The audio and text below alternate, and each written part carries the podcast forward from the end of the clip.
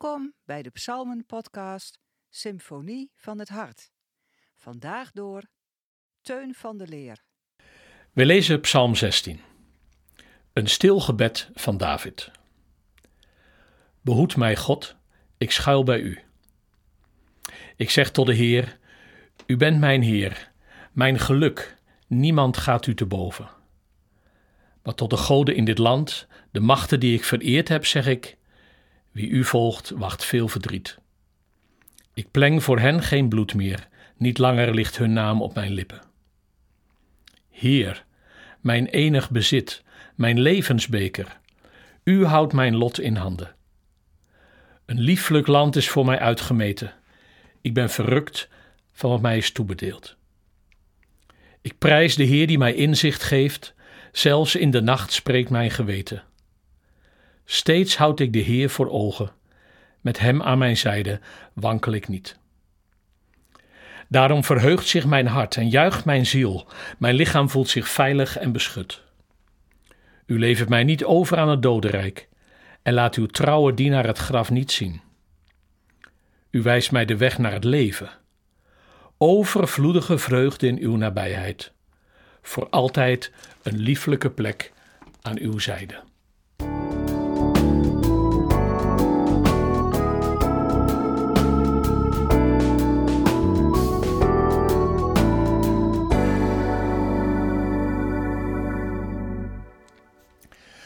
Vorig jaar werd het boek De Kracht van Rust van Mirjam van der Vecht tot het beste spirituele boek van 2021 uitgeroepen.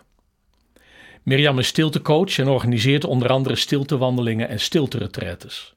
Hier is veel vraag naar.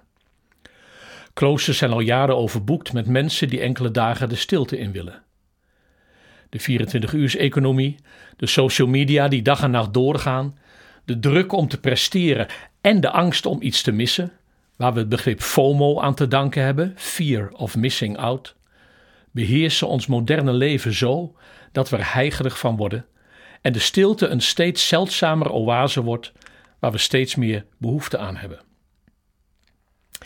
In de nieuwe Bijbelvertaling staat boven deze psalm een stil gebed van David. Dat is de vertaling van een moeilijk te herleiden Hebreeuws woord dat ook wel wordt vertaald met fijn goud. De overeenkomst is dat het in beide gevallen om iets kostbaars gaat dat zeldzaam is. Spurgeon noemt Psalm 16 daarom de gouden psalm, die een kostelijk geheimenis bevat. Het is Davids juweel. Ik denk dat er inderdaad weinig psalmen van David zijn die zo'n rijke intimiteit in de omgang met God uitstralen. Wat opvalt is dat de psalm een afwisseling is van gebed en beleidenis. Afwisselend spreekt David biddend tot God en beleidend over God. Eigenlijk is de korte en krachtige openingszin al een gebed en een beleidenis in één. Behoed mij, God, het gebed, ik schuil bij u, de beleidenis. David vertrouwt zich toe aan de God bij wie hij al schuilt.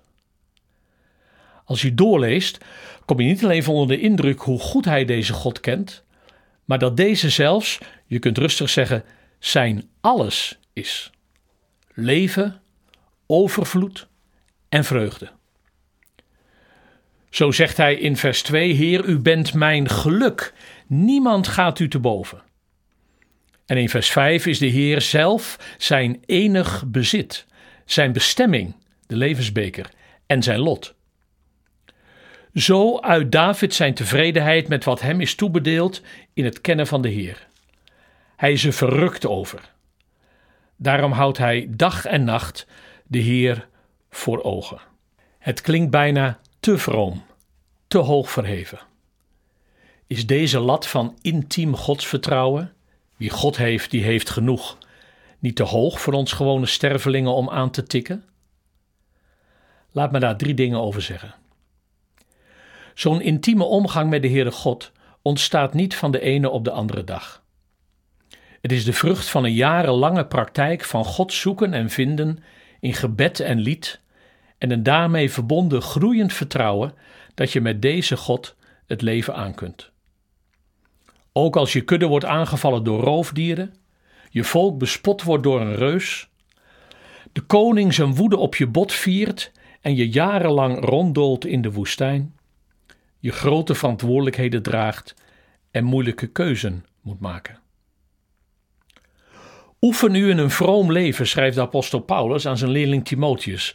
En dat is precies wat David had gedaan als schaapherder, als banneling en tenslotte als koning. Ten tweede zien we dat die toewijding aan God als de ene en de enige een keerzijde heeft. Namelijk, zie vers 3 en 4, een je afkeren van de goden en de machten die eveneens uitzien op jouw loyaliteit. Zoals Psalm 97, vers 10 het kort en krachtig zegt: U die de Heer bemint, haat het kwade. Het een hoort bij het ander. Als Paulus deze tekst uit Psalm 97 aanhaalt tegenover diezelfde Timotheus, noemt hij onder andere geldzucht, egoïsme en ondankbaarheid die moeten worden losgelaten. Toewijding aan God gebeurt niet op een koopje.